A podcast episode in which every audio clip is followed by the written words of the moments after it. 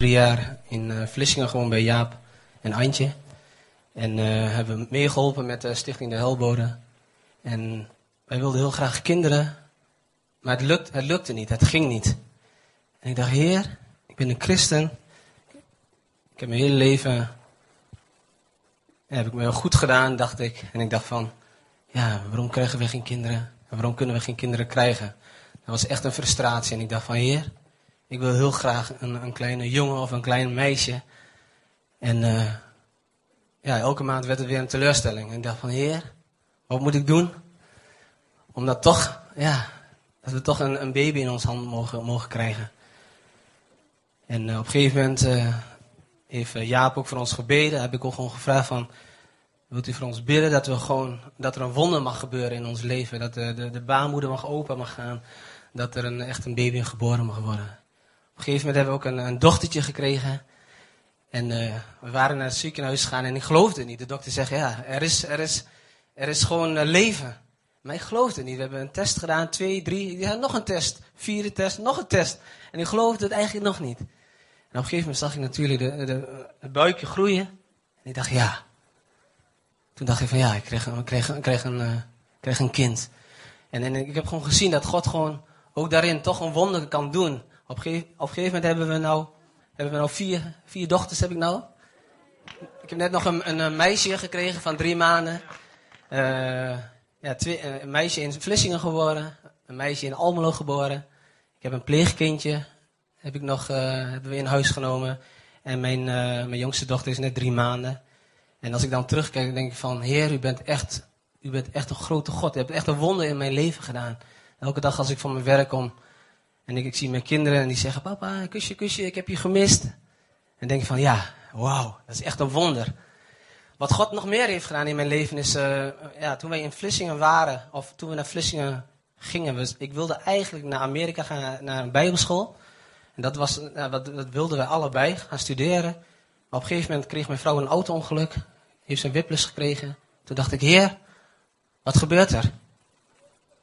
Op een gegeven moment 80 tot 90 procent afgekeurd helemaal bedlegerig geworden in bed.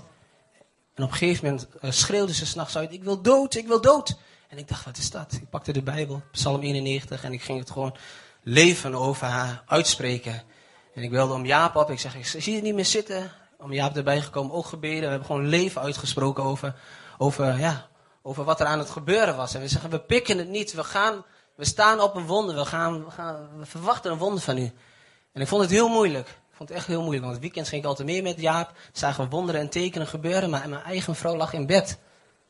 Met, met, met ja, die kon gewoon helemaal niks. Op een gegeven moment hebben we ook voor haar gebeden en God heeft gewoon een wonder gedaan. Ze is helemaal genezen, ze is weer helemaal aan het werk. Uh, nou ja, daarna natuurlijk vier kinderen gekregen, of drie kinderen.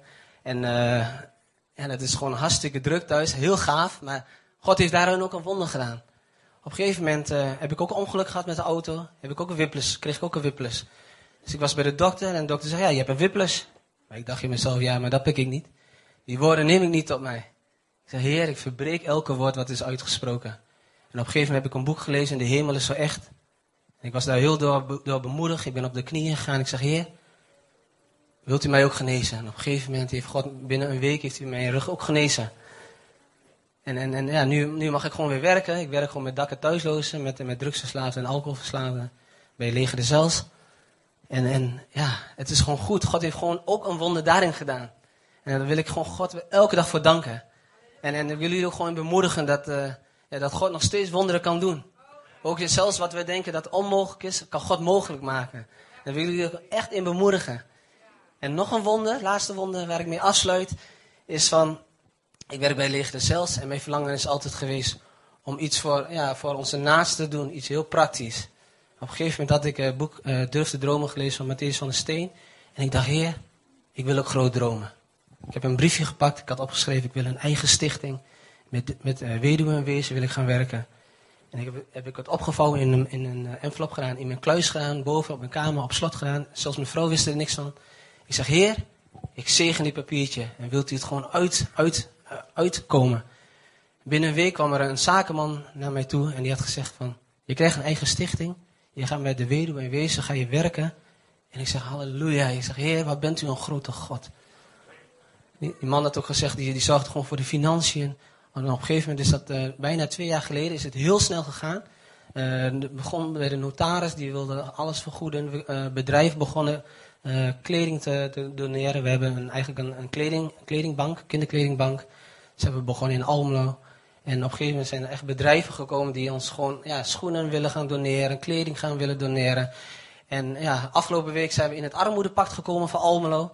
Nou, daar zit een, ja, de Rabobank die heeft daarvoor getekend. En mijn verlangen was altijd geweest dat wij er ook in mochten komen. Ik heb gezegd, heer, wilt u het gewoon doen uitkomen? Nou, van de week uh, mochten we ook naar die conferentie voor de armoedepact.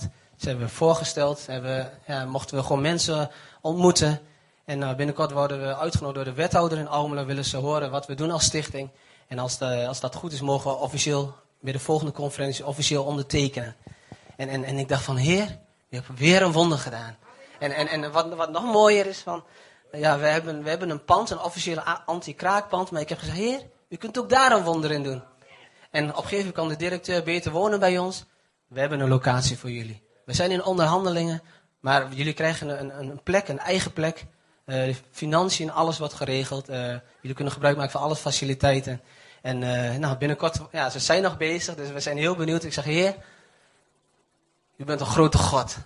En, en ja, ik wil jullie daar gewoon in bemoedigen van dat je gewoon ook je verlangens bij God mag, mag kenbaar maken.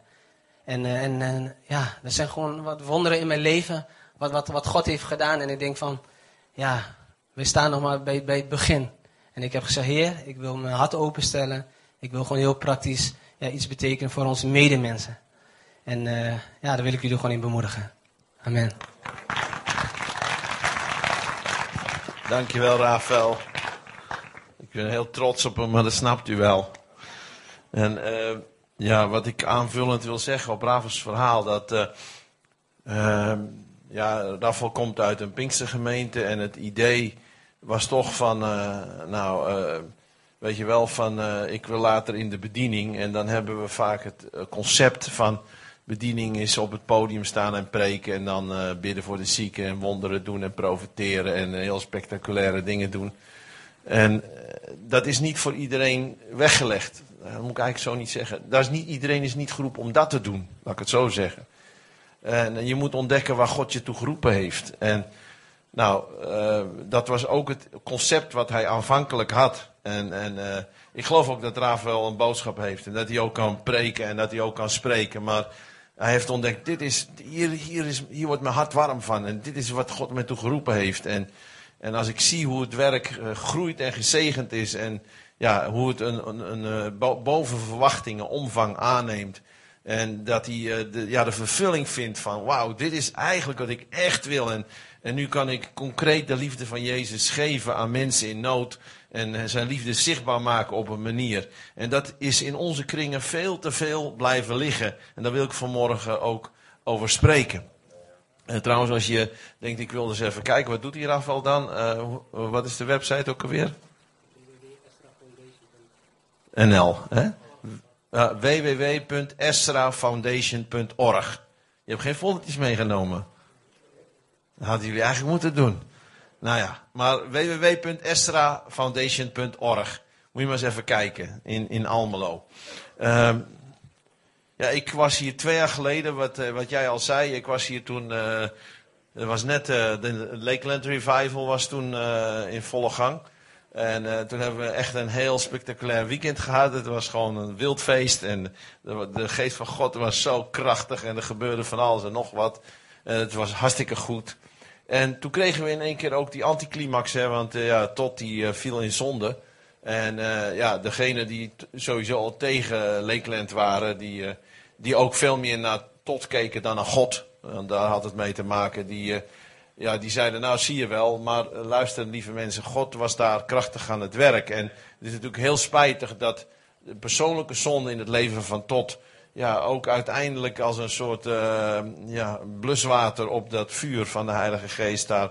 En, en dan moeten we goed beseffen dat God tolereert geen zonde, hoe machtig je die ook gebruikt. Je zal toch rechte sporen moeten trekken. En uh, nou, ik sta ook in diezelfde kracht en ik zie die dingen ook gebeuren. We reizen de wereld rond. Ik ben, uh, een paar maanden geleden was ik met mijn schoonzoon David. Is David hier dus wel eens geweest? David de Vos? Oké, nou, we waren in Nepal, we hadden een campagne, openluchtcampagne. 10.000 zielen uh, die Jezus aannamen en lammen, kreupelen, blinden, doven. Zagen we aan de lopende band gebeuren. Mensen bestormden het podium om te getuigen. En het mooie was, we hebben niemand de handen opgelegd. Bijna niemand. we zeiden, laat de Heer het maar doen. Dan, dan, want anders krijg je van die, van die scheve verhoudingen. Dan denken ze dat jij het bent. En jij bent alleen maar een verlengstuk van de Heer. God doet het uiteindelijk.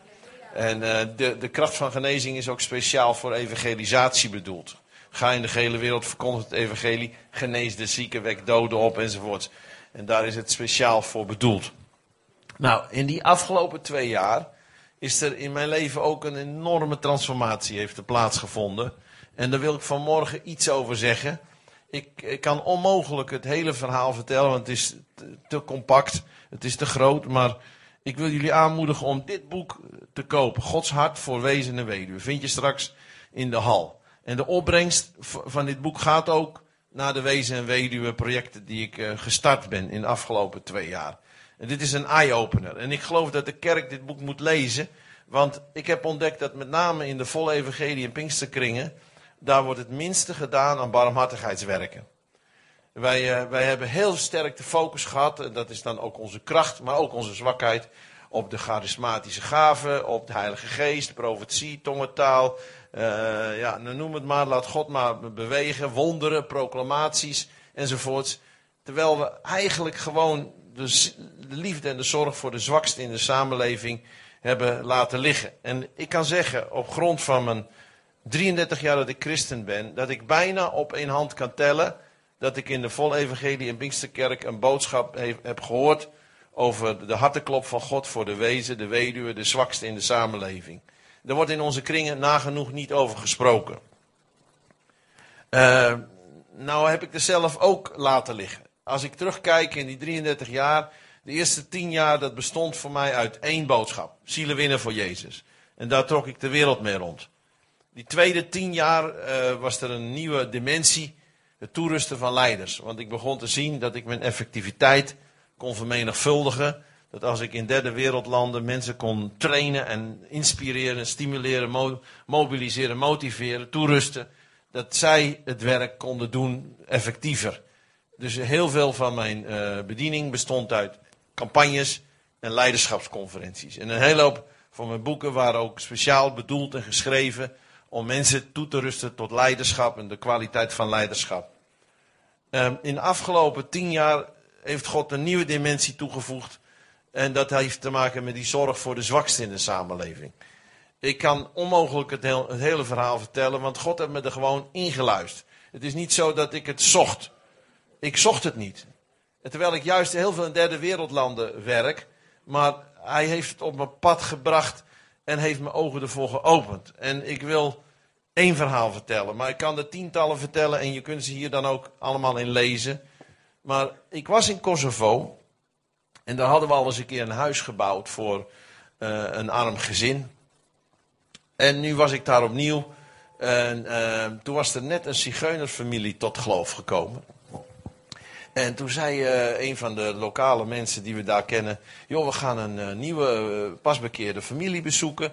En nou, die zijn zigeuners, zijn net bekeerd. En ik zei, nou, leuk.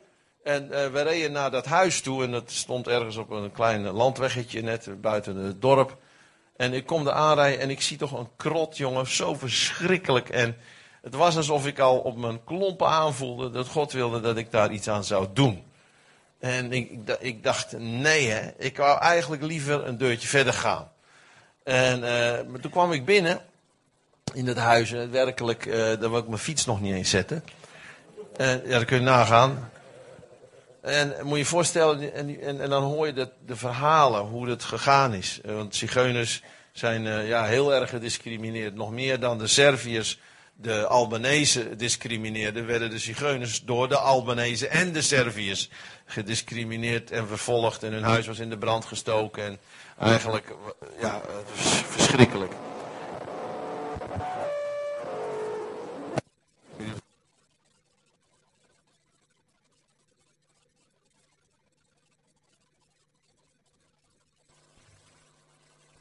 pak gewoon een bekabelde microfoon. Oké. Yes. En uh, toen kwamen we in dat huis. En toen zei uh, dat meisje op een gegeven moment. Moet je je voorstellen, die mensen kunnen niet lezen. Die kunnen niet schrijven. An analfabeten. En toen zei dat meisje. Kan iets minder echo? Uh, ja, dat zei het meisje niet hoor. toen zei dat meisje. Ik heb een droom gehad. Dat vind ik zo geweldig dat je bent pas bekeerd. Je kan de Bijbel niet lezen, want je kan niet lezen. Maar God heeft altijd manieren om tot mensen te spreken. En uh, die aanbiddingsleider vertelde dat verhaal van uh, Spoorloos. Gisteren heb ik uh, uitzending gemist, ook daarna gekeken. Ik was zo geraakt door dat verhaal. Ik weet niet of anderen het gezien hebben. Dat, ze had een Turkse vader. En die man was zo lief. En die vrouw ook. Die zei, zijn dochter is ook mijn dochter. En je zag dat kind gewoon, het bloeide helemaal op. Dat is onze vader. God is een vader voor de vaderlozen. En dat wil hij zijn. En dit meisje die, eh, die zei, ik had een droom gehad. En Jezus kwam in de droom naar me toe. En hij keek me liefdevol aan. En hij nam met zijn handen, uh, mijn gezicht, nam mij in zijn handen. Zoals je dat wel eens met je kinderen doet. Hij keek me recht in mijn ogen aan. En hij zei, ik hou van je. En toen kuste hij me op mijn voorhoofd. En ze straalde helemaal toen ze haar droom vertelde. En ze, en ze zei, uh, dit heb ik al twee keer gedroomd. En ik zat daar op de grond en het was klam en vochtig en, en, en gele lekgaten in het plafond. En het plafond ging helemaal zo, het dak stond op instorten. En ik schaamde me zo voor de Heer. Want ik dacht, ik wilde eigenlijk liever aan dit huis voorbij gaan. Maar van alle 6 miljard mensen, bijna 7 miljard mensen, neemt Jezus moeite om aan dit meisje zijn liefde te laten zien. En toen dacht ik, wat ben ik nou voor een dienstknecht van God? Ik ga het liefst aan dit huis voorbij, maar Jezus gaat niet aan dit huis voorbij. En we moeten iedere keer er weer aan herinnerd worden dat Gods liefde zo ongelooflijk groot is. Dat Hij ons altijd zoekt en ons hart zoekt. En het was, uh, nou de Bijbel zegt, een zacht antwoord breekt beenderen. Nou, het was alsof, ik een dreun voor voor mijn hoofd kreeg. Doordat ik ja, ineens besefte hoe liefdevol Jezus was om zich aan dit meisje te openbaren. En, en ik schaamde me dat ik niet dezelfde liefde. Ja, ik ben dan de man van God en, ik heb, en, en, en, en zo ben je bekend enzovoort. Maar wat voor man van God ben je dan als je niet dezelfde liefde kunt opbrengen voor zo'n individu? En soms hebben we last van hoogmoedswaanzin of grootheidswaanzin. Want we willen pochen met de, de campagnes die we doen. En hoeveel mensen in onze kerk en hoeveel wonderen onder onze handen. Maar God heeft oog voor de hele wereld, maar ook voor elk individu. Want het gaat over één meisje die niet eens kan lezen en schrijven. En waar de wereld zijn neus voor ophaalt omdat ze een zigeuner is. En terwijl ik ja, eigenlijk ja, helemaal overrompeld was. Niet zozeer door de droom op zich maar door wat Jezus aan dat meisje liet zien, eigenlijk door Jezus, zei de moeder: Ik heb ook een droom gehad. En uh, toen zei ik: Nou, wat dan? Nou, zegt ze: Ik kwam thuis en er stond een man voor de deur. En ik zeg: Wie bent u? En hij zei: Ken je me dan niet? Ze zei: Nee, ik ken u niet. Zij zei: Ik ben Jezus. Oh, had ze gezegd. Komt u binnen in dat huisje waar ik dus op dat moment in zat. En uh, toen kwam hij binnen en toen betrok zijn gezicht. En hij keek en sloeg zijn ogen neer. En hij zei: Het spijt me. En in die droom zei ze tegen hem: Spijt u, wat spijt u dan? U hebt mij toch niks gedaan? Ja, zei hij: Het spijt me, want ik heb overal om hulp gezocht voor een nieuw huis. Maar ik heb niemand kunnen vinden. En hij sloeg zijn ogen opnieuw neer en zei: Het spijt me. En ik werd zo geraakt door die dat ik dacht, dit is het hart van onze Heer. Die oog hebt voor de allerzwakste en de armste. En hij zoekt hulp, maar had hem niet kunnen vinden. En er gebeurden twee dingen. Dan kan je nagaan hoe schizofreen we soms zijn. Want in mijn hart zei ik, dan gaan we een huis voor ze bouwen. Maar in mijn hoofd zei ik, shit dat ik dat nou moet horen. En ik zeg het heel eerlijk, want het is zo makkelijk om te zeggen dat je heel geestelijk bent. Maar huisbouwen, dat kost dan 20.000 euro of zo, weet ik veel. En dat had ik niet. En ik heb ook mijn andere zendingswerkzaamheden. En ja, dan denk ik, ja, ik, ben een, ik, ik, train leiders en ik ben een evangelist. En uh, nou, er zijn andere organisaties die dit kunnen doen. Want het kwam op mijn pad. En als het op je pad komt, moet je afvragen of God het niet op je pad gebracht heeft. fijn. Ik zei nog niks tegen die mensen, maar we gingen wat foto's maken. Je was jonger bij me, Jasper. Ik zei, Jasper, maak maar vast wat foto's. En ik, ik had al overwogen, weet je wat? We gaan, gewoon we gaan gewoon sponsors zoeken in Nederland en dan gaan we dat huis bouwen. En de volgende dag hadden we een, een uh, ik had een pizzeria gehuurd en uh, hadden we al die mensen, zieke mensen. Oh, Kosovo, wat een land is dat, wat een nood. En uh, nou goed, we hadden gratis pizza en, en, en, en drinken. En voor de kinderen ook. En nou ja, ondertussen, mijn, mijn zoon was mee met een band. En we gingen muziek maken en evangeliseren.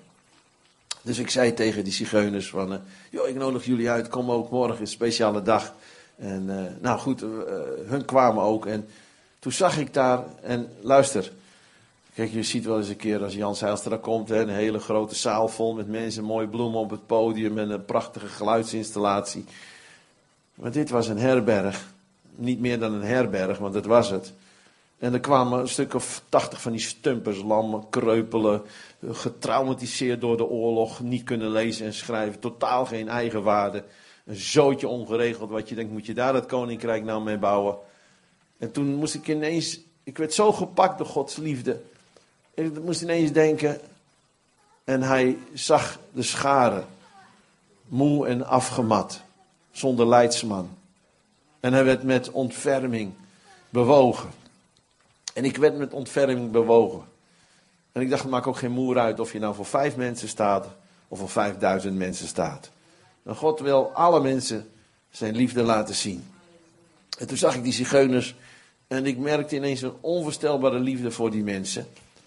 En ja, dat, dat gebeurde zomaar in mijn hart. Maar ineens sprak God. Hypocriet. Ik zeg, hypocriet? Hoezo? Hij zei, ja, je wil fondsen werven in Nederland. Heb je wel gekeken hoe koud het nu al is buiten? En ik kwam in zo'n soort dialoog. Vroeger keek ik wel eens naar Don Camillo. Ouderen weten wel, die hebben die film wel eens gezien. Je had ook altijd van die dialogen met God. Dat heb ik ook wel eens. Misschien niet zo hardop, maar zo van, ja heer, ik, ik, zie ook dat het koud is. Ja, en, ineens dacht ik, ja, als we, als we fondsen gaan werven in Nederland, nou dan duurt dat vier, vijf maanden, misschien een half jaar. Hebben we 20.000 euro, dan is de winter voorbij. Dan is het dak misschien al ingestort. Ik zeg, heer, ja, dit, uh, dit, uh, ik moet dat geld toch. En de heer zei, je hebt toch nog reserves? Ja, ja, heer. Maar ik heb ook dat boekenproject in China voor de ondergrondse kerk. En we hebben een campagne in Pakistan. En een leidersconferentie in India. En wat denkt u wel? Het geld groeit niet op mijn rug. Zo, hè? Bij God trouwens ook niet, maar. En, en de Heer zei tegen hem: Jij hebt nog reserves, zij hebben niks. En je verliest het toch altijd van God. Ik bedoel, laten we eerlijk zijn. Hij heeft toch altijd het laatste woord. Gelukkig maar, zou ik maar zeggen. Dus uiteindelijk capituleerde ik. zei: Oké, dan goed dan. Maar als ik in de problemen kom, is het uw schuld. Hè, zo. Dus, fijn. Ik uh, ging naar Bram toe, dat is mijn vriend, een Nederlandse vriend, die woont daar. Ik zei, Bram, ik zeg, uh, kun, je, kun je Mohammed roepen? Mohammed is de aannemer. Trouwens, Mohammed is ook bekeerd. Leuk om te weten, hè?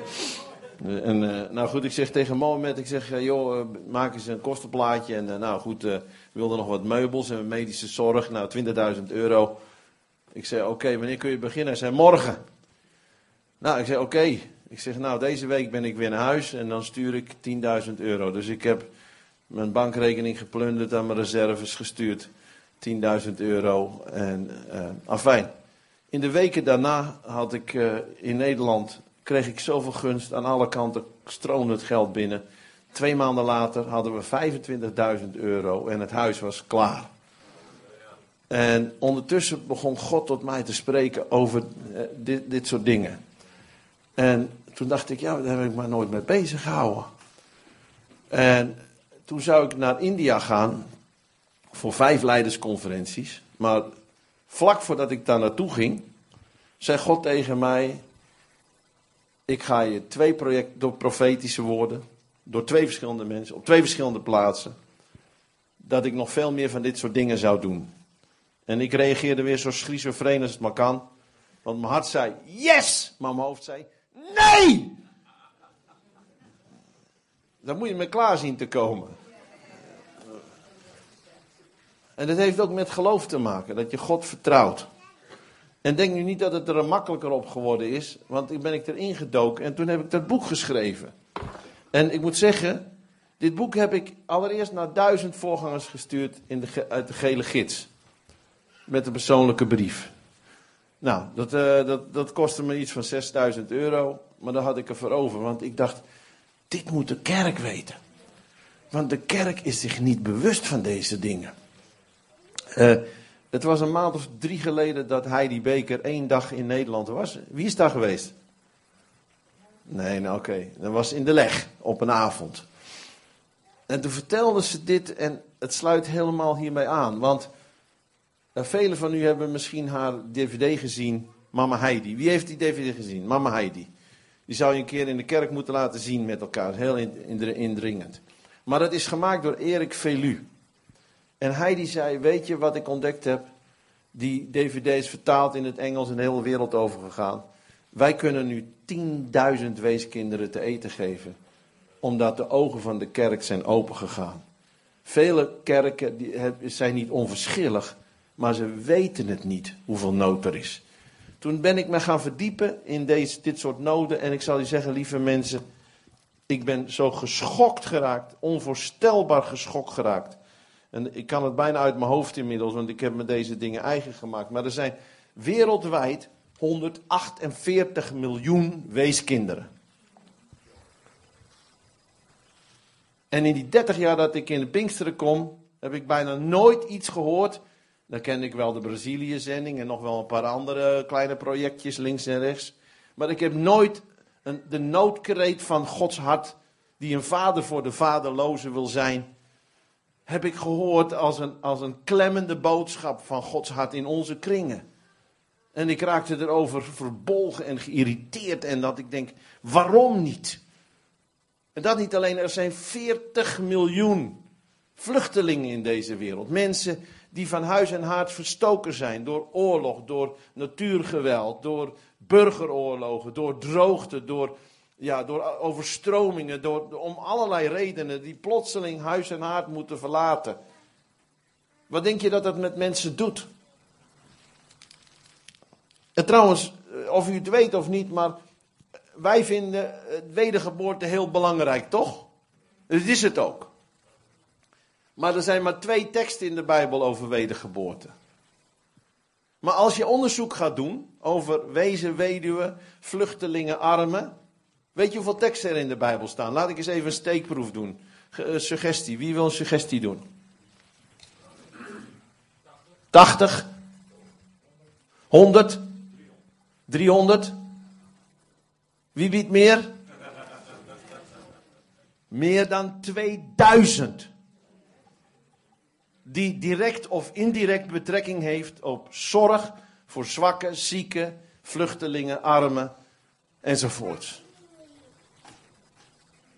En ik ben me gaan verbazen dat ik denk, waarom wordt daar in onze kringen nooit wat over gezegd?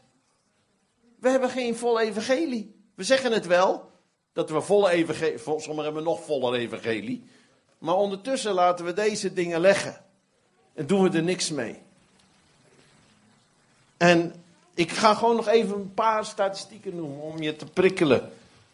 Wist u dat er per etmaal 8000 mensen aan aids... Ja, dit is dit is mijn zonneleesbril. De andere die was ik kwijt. Kon niet vinden, dus die lag in de auto. Zonder dat ding zie ik slecht. Maar elk, elke 24 uur sterven er 8000 mensen aan aids. En het zijn allemaal geen homofielen of zo hoor. De meerderheid zijn moeders. Die door vaders, ja, vaders en moeders. En soms zijn het trouwe toegewijde moeders waarvan de mannen de vrouwen besmet hebben. Ik zal nooit vergeten dat ik in Oeganda was en ik sliep. Nee, ik was, ik was in Kisumu, in, in Kenia, aan de grens van Oeganda. En ik sliep in een katholieke hostel. En toen zei de kok, John, die zei. Want ik, ik ben een missionaris, ik, ben, ik heb een campagne. Hij zei: Wij hebben hier een groepje met een stuk of twintig aidsweduwen. Wil je, wil je uh, hun toespreken? Ik zei: Ja, is goed. En toen kwam ik in die kamer op een middag dat ik vrij was. En daar zaten ze broodmagen met ingevallen wangen, met holle ogen, mij aan te staren. En toen zei één moeder: Mijn man was overspelig en heeft mij besmet en is, hij, hij was, is overleden. Mijn familie heeft mij verworpen, want in Afrika is er veel achterdocht. Een, uh, boze geesten en besmet en weet ik veel. Niemand wilde mij helpen. Dus afgezien van het feit dat ze de man verloor, verloor ze eigenlijk ook de familie. Ze zei: Ik heb altijd nog kunnen werken, want ik voelde me nog wel goed. Maar nu kan ik niet meer werken. En toen rolden de tranen over haar wangen en ze zei: Als ik doodga, wie zorgt er dan voor mijn kinderen?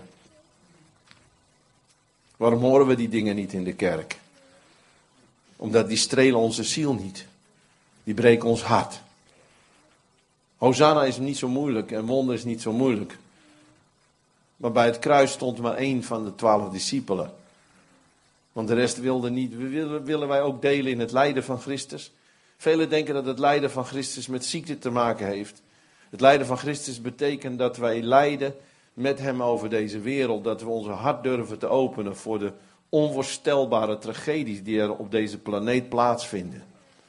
En dat we zoeken met God naar wegen en dan zal je dat, die schizofrenie in jezelf ontdekken. Want waar haal je die verrekte rotcenten vandaan? En hoe kan je nou helpen? Want de nood is zo groot. Maar God heeft een plan. Weet je dat er meer mensen sterven per maand aan aids dan in de hele tsunami? Van 2000, wat was het, 2005 of 6? Ik weet het al niet eens meer. In 2015, dat is over vijf jaar, zijn er naar verwachting 115 miljoen mensen aan aids overleden. 115 miljoen. Elke dag worden 11.000 mensen besmet en komen er 6.000 aidswezen bij. Elke drie seconden sterft er een kind aan ondervoeding. Er zijn in Nederland ongeveer 50.000 abortussen per jaar. Toen vorig jaar februari een idioot in België in een kindercrash baby's begon te steken en de crashwerker hem wilde stoppen, verloor zij het leven. Twee, twee baby's zijn overleden, de andere met zware uh, letsel in het ziekenhuis opgenomen. Europa was geschokt. België helemaal natuurlijk. Ik ook. Maar ik was nog geschokter toen God tegen mij zei: zie je de hypocriete reactie?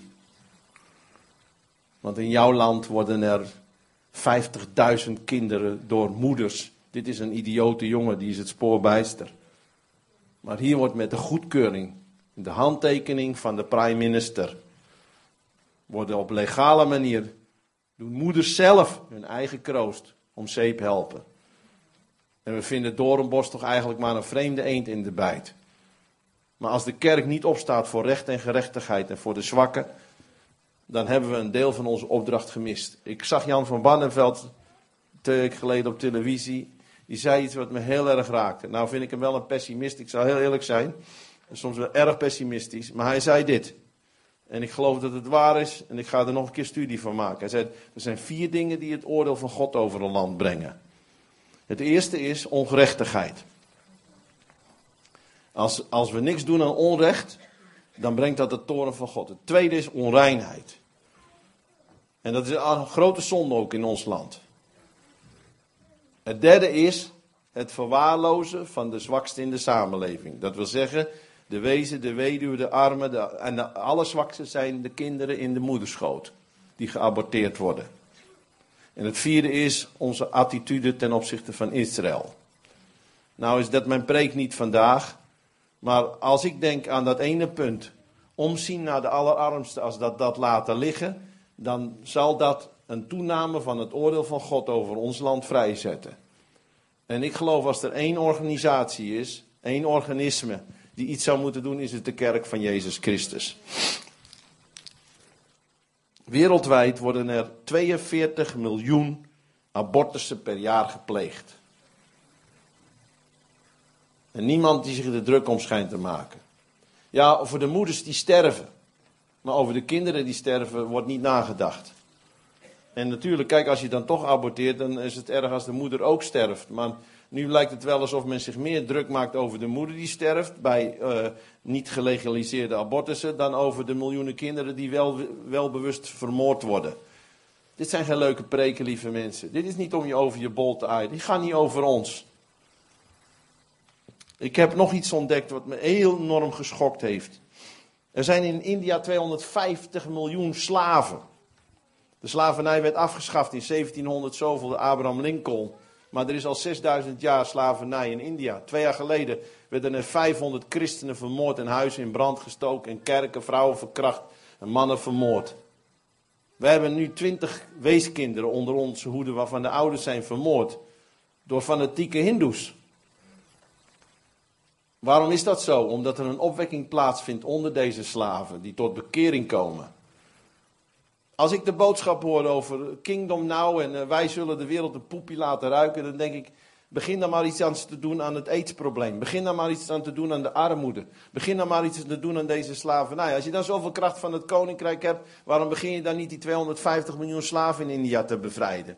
En ik heb dit ontdekt. Degenen die de grootste mond hebben, die doen het minste. En degenen die het meeste doen, die praten er niet over. Over een stukje nuchterheid gesproken. Ik wil nog iets zeggen wat me heel erg gechoqueerd heeft. Het, het is een ontgoocheling die, die zo onvoorstelbaar is. Want als ik kijk naar wat er in onze kringen gepreekt wordt, kwam ik erachter dat 80 tot 90 procent van alle preken gaan alleen maar over onszelf. Wat is mijn roeping? Wat is mijn salving? Wat is mijn bediening? Wat wil God voor mij? Welke belofte is er? Bless me, bless me, bless me. Broeder, heeft u nog een profetie voor mij? Is er ook een woord voor mij? Oh, wat een salving. Nee, ik ga naar een andere kerk. Daar is de aanbidding leuker. Lieve mensen, deze boodschap gaat niet over ons. Helemaal niet. Dit gaat over Gods harteklop, zijn gebroken hart. Voor de wereld die sterft zonder hem te kennen. En een kerk die een opdracht heeft. Dit gaat over onze opdracht. Wij hebben een opdracht voor een verloren wereld. Wij hebben een opdracht. We zijn niet alleen maar om gezegend te worden. Wij hebben een missie. En wij moeten die missie verstaan. En u hoeft niet allemaal naar India. Die missie begint in Zutphen. Die begint in je eigen straat. Die begint in je eigen huis. Maar het is een wereldwijde missie. Want God heeft de hele schepping op het oog. Toen ik in Nigeria was, kort geleden, sprak God tot mij deze dingen. God heeft altijd mensen gebruikt om revoluties te ontketenen. En om de wereld in het pad van de waarheid te leiden. En het zijn niet altijd mensen die het etiket christen gedragen hebben. En ik wil je een paar voorbeelden geven. Die God tot mij gesproken had. De eerste die ik noem is Pythagoras. Het was een Griekse wijsgeer. Die leefde in de tijd van Galileo. Sommigen zullen zeggen: Oh ja, die naam heb ik wel eens gehoord op, uh, op school. Uh, sommigen zullen er iets meer van weten dan anderen. Maar waar, wat was er met die Pythagoras? Die Pythagoras die zei op een dag, hij zei, jullie denken wel allemaal dat de, aarde om, de zon om de aarde draait, maar dat is niet zo. Hij zei, de aarde de, draait om de zon. En ze hebben hem verketterd. ze hebben hem in de ban gedaan. Ze hebben hem in de gevangenis gegooid, geloof ik. En hij, hij werd bestookt en veroordeeld. Maar hij sprak de waarheid. En uiteindelijk is het hele wereldbeeld veranderd omdat iemand opstond voor de waarheid. En dat was een minderheid. Eén tegenover de hele wereld. Maar hij sprak de waarheid. Als ik vandaag zeg dat de zon om de aarde draait, zegt iedereen: ben je helemaal gek geworden? Nu, nu vindt iedereen het normaal. Maar toen hij het voor de eerste keer zei, toen werd hij zo wat opgeknoopt. Omdat hij de waarheid zei. Hoor je wat ik zeg? Een tweede man die God tot mijn gedachten sprak was, eh, en die kennen u allemaal wel, Columbus. Want dat was een tijd dat de wereld in zijn algemeenheid geloofde dat de aarde een platte schijf was. En als je te ver de zee op ging, dan donder je naar beneden en dan kom je in de hel terecht. Nou lach je erom, maar dat geloofde de hele wereld. En ik weet niet of Columbus een wetenschappelijk eh, fundament had voor zijn overtuiging, of dat het meer een innerlijke drijf was. Maar één ding is zeker, hij stond voor wat hij geloofde in zijn hart. En hij zei, de, ik, ga, ik, ga, ik ga de zee op.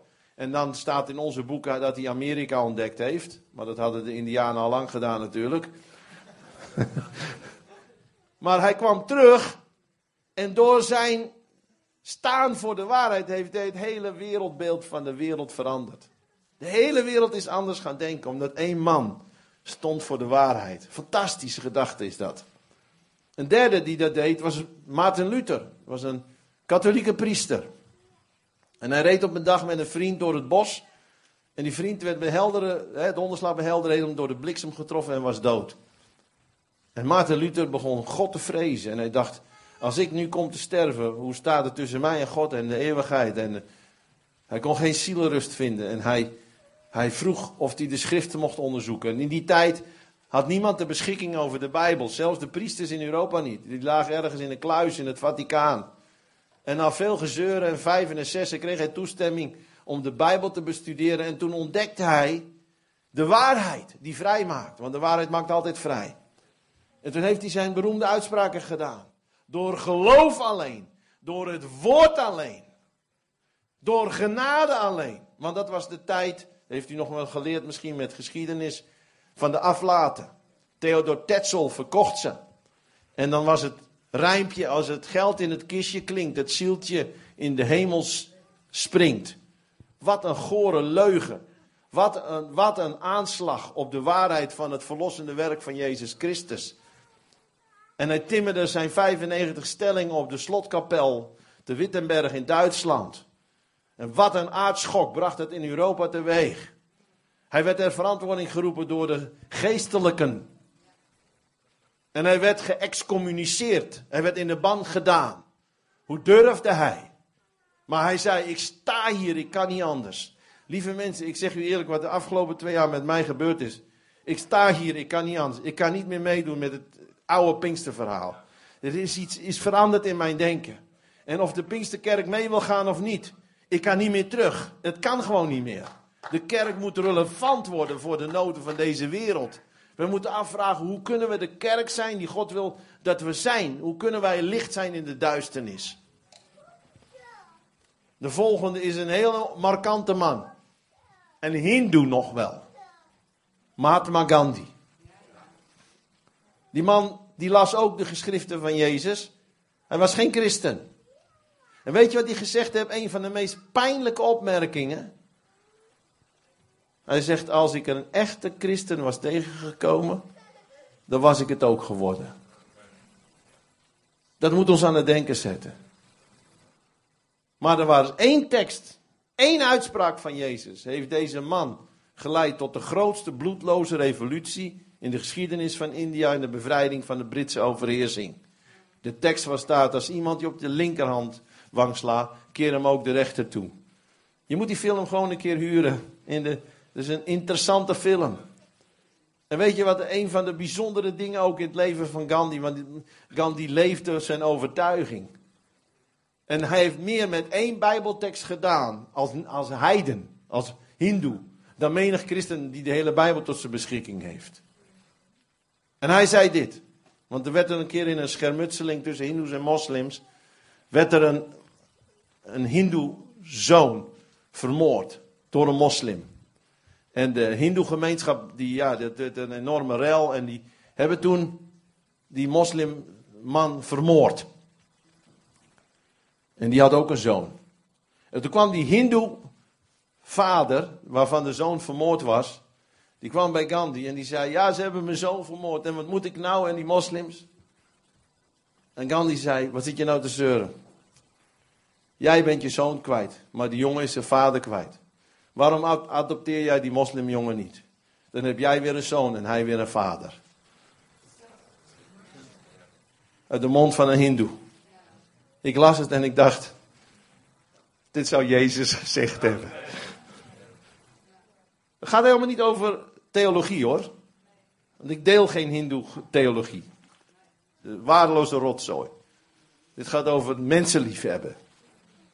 Onvoorwaardelijk. Moeder Teresa was zo iemand. Die zei: Als ik mijn laatste stervende verzorg, dan kijk ik in de ogen van Jezus incognito. Die film moet je ook huren. Wat een inspirerende vrouw. Wat een ander soort christendom. Haar theologie klopt niet. Misschien klopt haar theologie niet. Maar haar leven klopte wel. Haar hart klopte. Ze is een voorbeeld geweest voor miljoenen. Het was de liefde van Jezus die haar de vertaalslag heeft gemaakt. Van van de liefde van Christus. Lieve mensen, ik heb zoveel op mijn hart en de tijd is veel te kort. Daarom wil ik je aanmoedigen om dit boek te kopen. Ik wil dit zeggen. Van al die duizend voorgangers die ik het boek gestuurd heb, kan ik op één hand de reacties tellen. Ik was teleurgesteld. Maar luister, ik word niet bitter op de kerk. Ik neem het gewicht op mijn rug. Ik doe het met God. Het is mijn passie, het is mijn missie, ik ga ervoor. En of er veel met me meegaan of weinig met me meegaan, of ze het horen of niet horen of blind zijn, het verandert niks aan de opdracht. Ik kan niet meer terug. Ik sta hier, ik kan niet anders. Ik heb daarna een database gekregen van de PKN-predikanten, want ik dacht, ik wil niet discrimineren. Ik wil ook alle PKN-predikanten een boek sturen. Maar voordat ik dat doe, want dan is het 5,5 tot bijna 6000 predikanten. Ja, dat kost natuurlijk heel veel geld. Dus toen had ik een slim idee, weet je wat? We sturen ze een brief met een code erin. Dat ze het boek gratis kunnen krijgen door naar internet die code in te vullen. Dus 6000 brieven gestuurd. Ik zou zeggen, ik was zo teleurgesteld. Er waren 57 reacties. Van de 6000 PKN-predikanten die, die, die niet eens dat gedachtegoed. En van de 60, bijna 57, die een brief kregen, die heb ik afgelopen week een e-mail gestuurd. Twee maanden geleden heb u van mij een boek gehad. En uh, ik zou heel graag, als u bent geraakt door de inhoud, zou ik heel graag kijken, kan ik uw kerk helpen, stimuleren deze boodschap. Ik heb vijf reacties gehad. Ik heb het boek nog niet gelezen, ik heb het weggegeven. Er is er één die zegt, ik kom erop terug. Is dit de kerk van Nederland? Is dit de kerk van Jezus Christus? Lieve mensen, ik ben geen prosperity. Ik, ik, leef prosperity. Want ik geloof als je in de wil van God leeft, dan is er zegen. Maar ik, ik, ik preek geen prosperity. Mijn doel is niet prosperity. Ik wil wel miljonair worden. Waarom? Dan kan ik nog tien weeshuizen bouwen. Want ik ging naar India. Ach, mijn hart is zo vol, de tijd is zo kort. Ik ging op een gegeven moment naar India. Ik heb daar een weeshuis gebouwd voor honderd kinderen. En toen dacht ik, nou, dat heb ik toch maar mooi gedaan met de, met de hulp van God. En hebben we honderd kinderen weer toekomst gegeven. Maar ondertussen schreef ik dit boek van 148 miljoen weeskinderen. Toen zei God tegen mij, je visie is te klein. Nou, ik had weer zo'n schizofrene reactie. Ik zei, ja, maar hier nou doe ik alles wat ik kan. En uiteindelijk heb ik gezegd, oké God. Ik wil met mijn stichting 10.000 weeskinderen koppelen aan sponsorouders. En in India kunnen wij voor 20 euro per maand een kind toekomst geven. Onderdak, scholing, medische zorg, voedsel, liefde. We hebben hele goede contacten. En we hebben er nu 200, dus ik hoef er nog maar 9800. En elk kind is er één. En ik dacht, weet je, de, dit, dit, dit gaat de rest van mijn leven gaat mij kosten. Ik ben nu 55. Er moet echt een versnelling komen. Ik weet niet eens of ik dat ga halen. Maar dat maakt me geen bal uit. Ik jaag ernaar dat ik het ook grijpen mocht. Waarom? Ik ben gegrepen door de harteklop van God. En niks doen is geen optie. Het is net als die jongen die langs het strand wandelde. En het was app. En overal langs de vloedlijn lagen daar zeesterren. En, uh, en zoals hier zie je al die sterren op de grond. En pakt de zeester en gooit terug in zee. En loopt verder en pakt de volgende. En dan komt een man die zegt, wat ben je nou aan het doen jongen? Hij zegt, ik gooi ze terug, maar anders gaan ze dood. Hij zegt, doe normaal joh. Hij zegt, kijk eens hier daar nou, tot aan de horizon. Hoeveel liggen er daar? En kijk eens naar de andere kant. Wat heeft het nou voor zin? En dan pakt hij weer en zegt, maar wel voor deze. En gooit hem terug. En lieve mensen, soms worden we zo overweldigd door de grootheid van het probleem dat we niks doen. Maar wat je doet voor één, dat doe je voor allen. Ik wil dus zeggen, red een kind en je redt de wereld. En toen had ik, nou ja, de visie voor 10.000. Maar God gaf mij een revolutie in mijn hoofd. Want hij zei tegen mij, je visie is te klein. Ik zei, heer, nou moet u ophouden.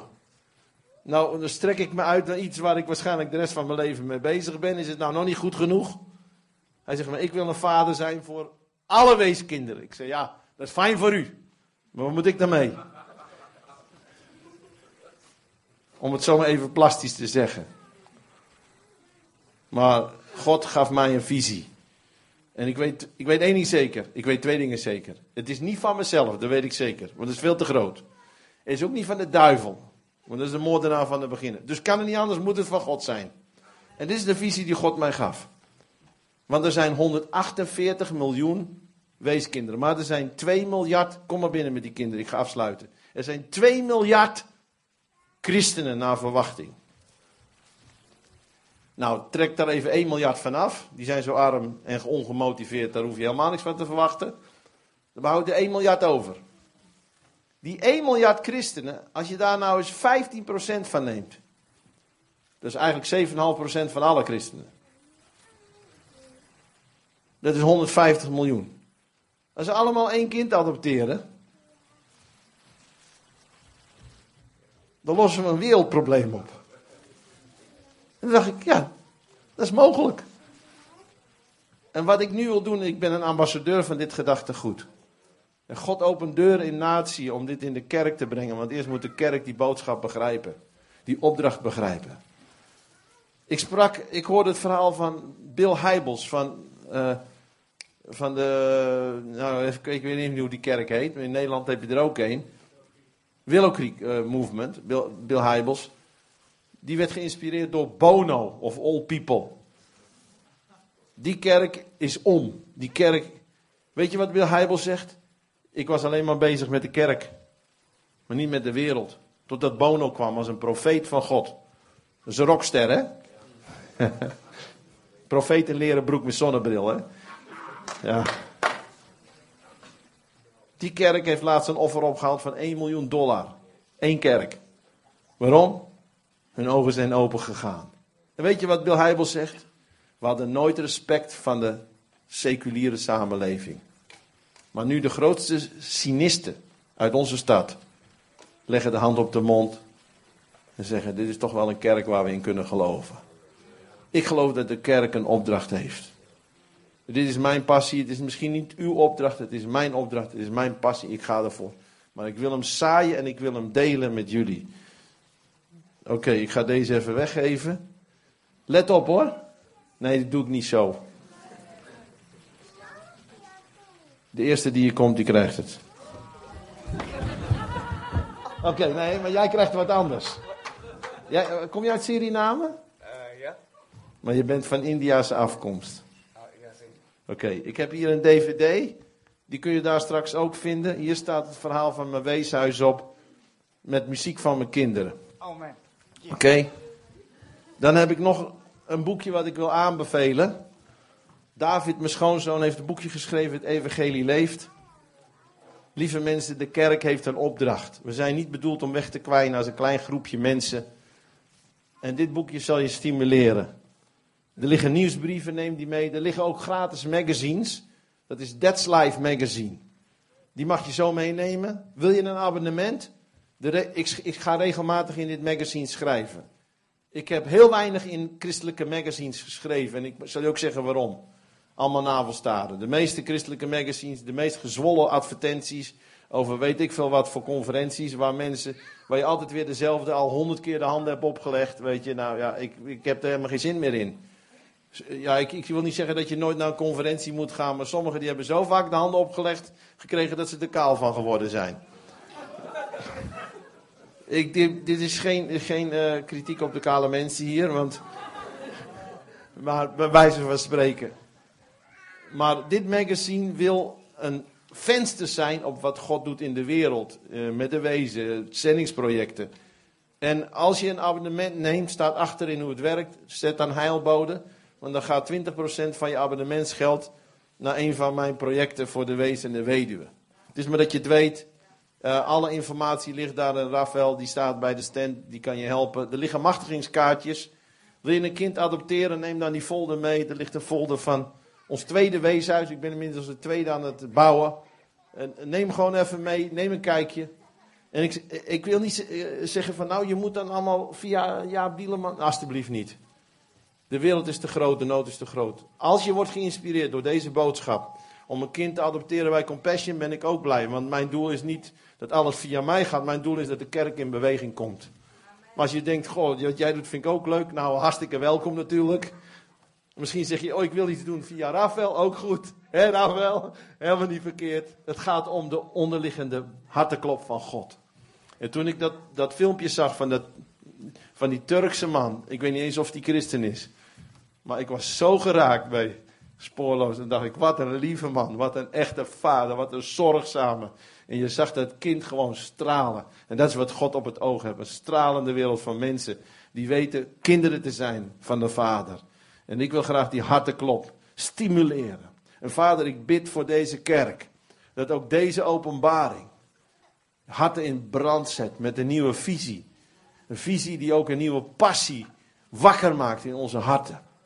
Om op een of andere manier betrokken te zijn met die geweldige opdracht om uw liefde aan de wereld bekend te maken. Om de vaderlozen te bevaderen. Om de verbrokenen van hart te troosten.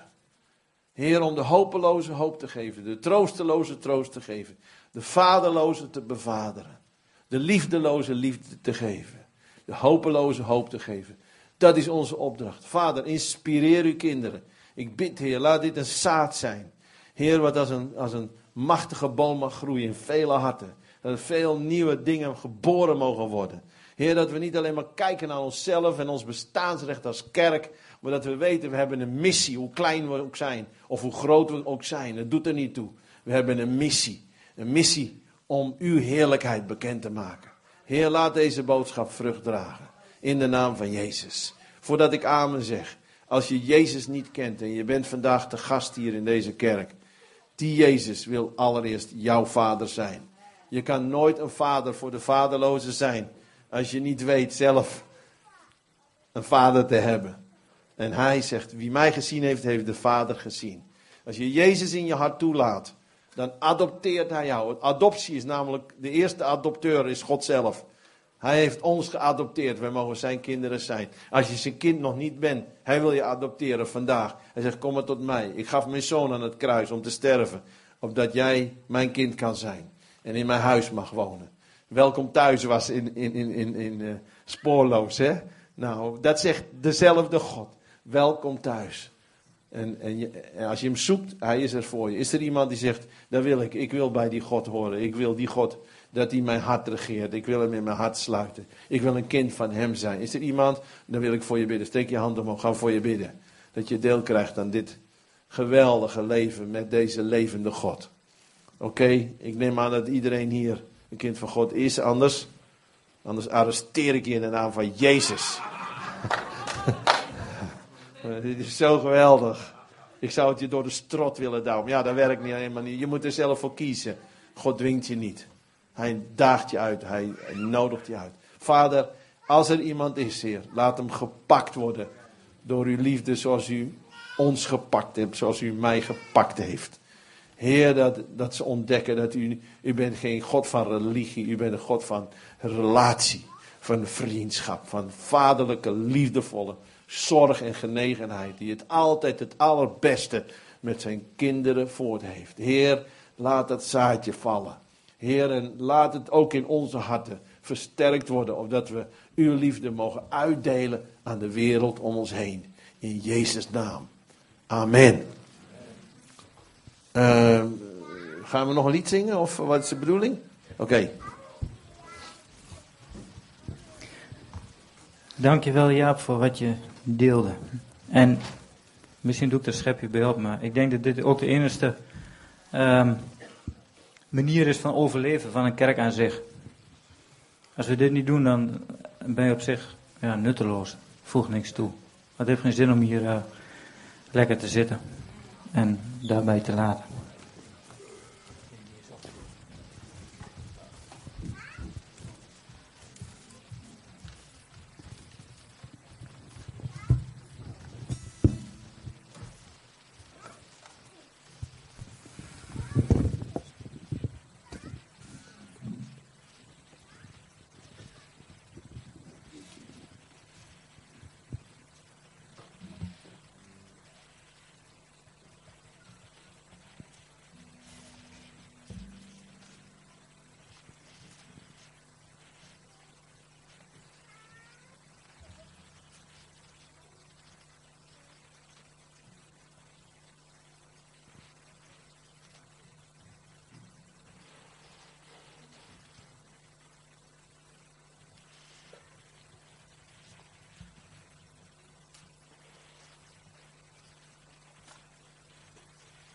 gaan 474 zingen.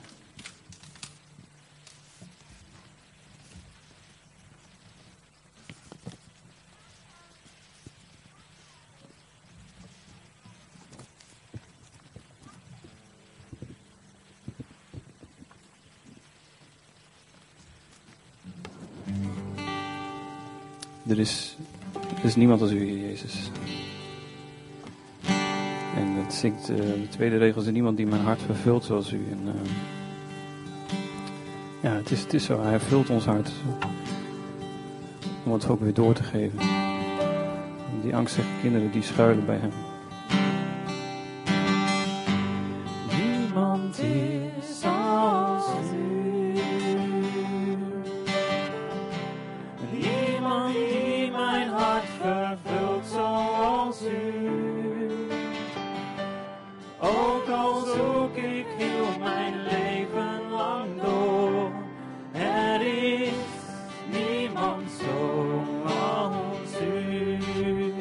Er is niemand als u hier.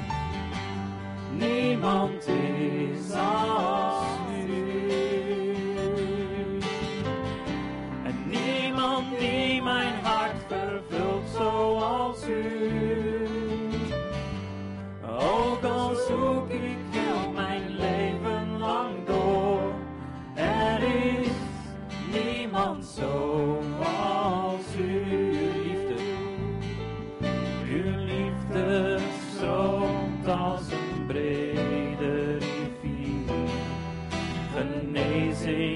Genezing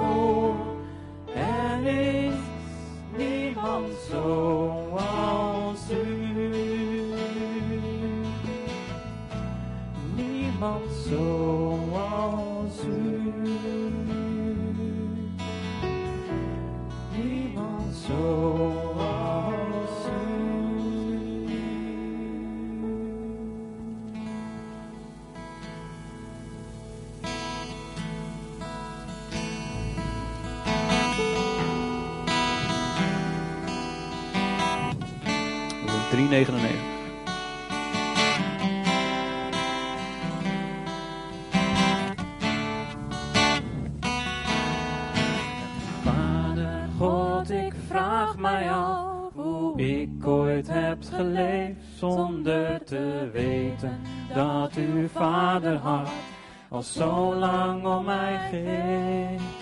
Maar nu ben ik uw kind, nu mag ik wonen in uw huisgezin. En ik zal nooit meer eenzaam zijn, want vader, u bent altijd bij mij, Heer. Ik wil u prijzen, Heer. Ik wil u prijzen, Heer. Ik wil u prijzen, zolang ik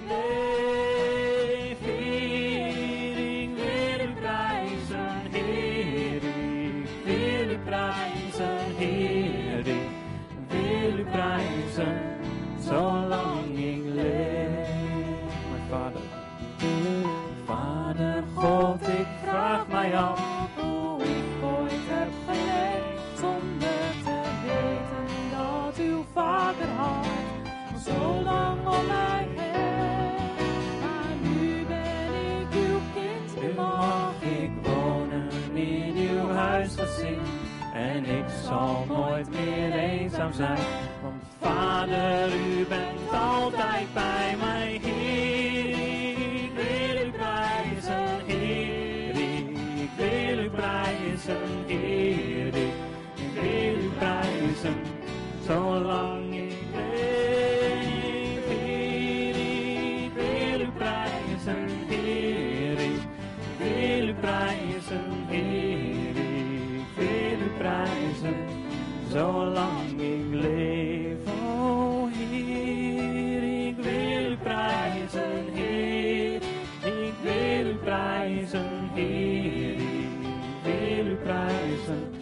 zolang ik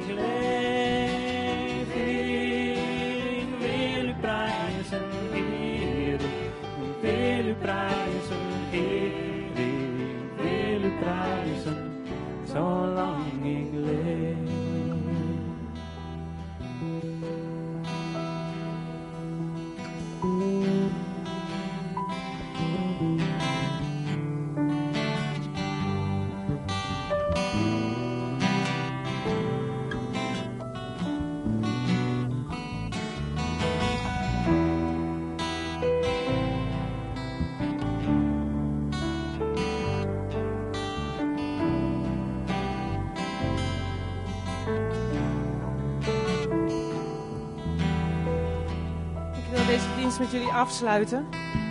Ik ben heel erg geraakt door de boodschap van vanmorgen. Anderhalve week geleden stond ik eh, met ons team in een uh, zigeunerdorp in Bulgarije. En vorige week, we hadden een presentatie gemaakt, maar het leek niet het juiste moment om het te laten zien, omdat het de eerste dienst was in deze, dit nieuwe gebouw. Maar ik wou dat jullie het wel al hadden gezien. Want ehm, wij stonden daar en we hebben gezien hoe mensen wonen onder de meest erbarmelijke omstandigheden. Ehm, we hebben ons voorbereid als team en van tevoren zeiden we tegen elkaar: als we naar deze mensen toe gaan, mensen die stinken, die arm zijn, weet je wel, ziek onder de vlooien. Toen we daar wegkwamen, we zaten onder de vlooien beten, we zagen ze gewoon springen, weet je wel, op het bed waar, eh, waar we op gingen zitten om voor mensen te bidden. We zeiden, kijk maar gewoon naar de mensen. Kijk maar in hun ogen. Want als je in hun ogen kijkt, dan zie je Jezus. En sommigen vonden dat moeilijk om te pakken. Maar toen we daar waren, hè, toen konden we dat ervaren met elkaar. Je kijkt in de ogen van de mensen. Gods hart is voor de zwakken. Voor de mensen die worden uitgekotst in deze wereld. En één iemand uit het team die zei, ik heb het idee dat dit de tijd is dat God de straten op, gaat. Dat hij wil dat we als gemeente de straten opgaan en dat we die mensen binnenbrengen. De zwervers, de alcoholisten, de bedelaars, de lammen, de kreupelen. Weet je wel, iedereen die gewoon zwak is en die, die verstoten is. En ehm, toen we daar waren, ik heb het ervaren dat God ook in mijn hart dat ook legde. Dat hij ook zei van iedere, iedere gemeente die dit niet doet, iedere bediening die niet omziet naar de zwakken. Naar de mensen die arm zijn en die niets hebben die heeft geen liefde. Weet je wel? En we weten dat alles wat we zonder liefde doen is dood. Als we, we kunnen, weet ik veel, allerlei doelen hebben. Als bediening en als gemeente. We kunnen zeggen, we willen zoveel honderd zielen winnen in, in deze stad. Maar, maar de Heer sprak tegen mij in Bulgarije. Zeg, als je dit niet doet, dan is het wat je doet is zonder liefde. Want Gods hart gaat uit naar deze mensen. En ik weet dat als we dat doen, ook als gemeente, dat God ons gaat zegenen, ook op andere terrein. Maar dit is onze eerste verantwoordelijkheid. En wij zijn begonnen, en ik, ik wil je daar nog meer over vertellen de andere keer. We zijn aan het zoeken als team naar wat God nou precies wil. Maar het eerste wat hij van ons wil, is dat we daar, in, naar dat dorpje in Bulgarije, die mensen gaan zegenen. Al die zwangere vrouwen die daar rondlopen zonder medische zorg, omdat er geen geld is. Die bevallen in de meest smerige hutjes die hun kinderen abatteren omdat ze geen geld hebben, geen eten hebben, niks. Het is een dorpje van duizend mensen. En ik liep daar rond. Ik liep daar en ik, en ik, en ik, ik had pijn in mijn rug en ik, ging steeds rechterop lopen. En ik zei tegen Jin, oh, ik, ik voel me gewoon, ik krijg gewoon weer nieuwe energie. En we zeiden tegen elkaar dat is omdat we aan het doen zijn waarvoor God ons gezalfd heeft. Dat, dat is waar, waar, wat we aan het doen zijn. Dit is wat God wil dat we doen. Jij wil wat zeggen nog?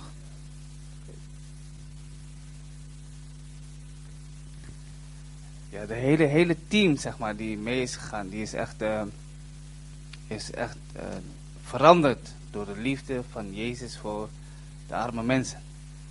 Voor kleine, kleine kinderen, voor de tieners, um, voor de zwangeren. Ja, ze hebben helemaal geen geld. Ze kunnen niet naar de gynaecoloog gaan. Weet de zwangere vrouwen. Maar wij waren daar. We hebben gebeden voor ze. We hebben genezing uitgesproken. Uh, er was ook een, uh, ja, waar, waar, liefde is, daar is Jezus. En waar Jezus is, ja, daar gebeuren ook wonderen en tekenen. Ja, er was ook een doofstomme vrouw. Die werd terstond genezen. Er was een jongen die had kiespijn, ontsteking, die kon niet naar de tandarts. Hebben we eh, genezing voor gebeden. Terstond, die jongen was genezen. We zijn echt, eh, echt naar de armste van de armste mensen gegaan. Die scheuners, de minste van de minste. En we hebben ze mogen omarmen. Ook vrouwen die zulke bulten hadden. Eh, een van de teamleden die omarmde die persoon. En weet je wat die persoon deed? Die ging zuchten. Zo van. "Ah." Echt wonderlijk. Veranderingen. En dat is eh, wat, wat eh, Gods vaderhart is. En hoe ze leven. Man. Maar eh, ja, doelen stellen, visie. Bereid je me voor, want we, gaan, we willen graag vooral de zwangere vrouwen gaan zegenen, zodat ze een verzekering kunnen afsluiten. En ook gewoon naar medische controles kunnen gaan. En hulp kunnen hebben bij de bevalling. Het geld wat jullie hebben gegeven is, wordt gebruikt om schoenen te kopen voor de mensen die geen schoenen hebben. Om eten te kopen voor de mensen die geen eten hebben. En schoolspullen voor de kinderen, zodat ze naar school kunnen. Laten we gaan staan en laten we de dienst afsluiten. Vader in de hemel, we danken u, Heer, voor deze ochtend. We danken u voor uw hart dat u met ons hebt gedeeld, Heer. Heer, en ik bid dat u door de Heilige Geest met ons aan het werk gaat de komende tijd, Heer. Ook al is het vakantie, ook al is het heet. Heer, we verlangen ernaar om uw hart te voelen, om uw harteklop te voelen, Heer. Heer, wilt u ons klaarmaken om uit te gaan, Heer, om, om te doen wat uw vaderhart graag wil dat we doen. Om om te zien naar de zwakken in de samenleving, Vader. Waar we ook maar kunnen, Heer. Waar u ons ook naartoe leidt, Heer. Of dat in het buitenland is of hier in de stad, Vader. Maar zegen ons, Heer. En help ons om, om, om dit werk van liefde te gaan doen, Vader. In de naam van Jezus. Heer, en eh, zegen ons als we naar huis gaan. Overal waar we gaan. Als we liggen, als we opstaan, als we slapen, Heer. En vervul ons helemaal met uw geest. In Jezus' naam. Amen.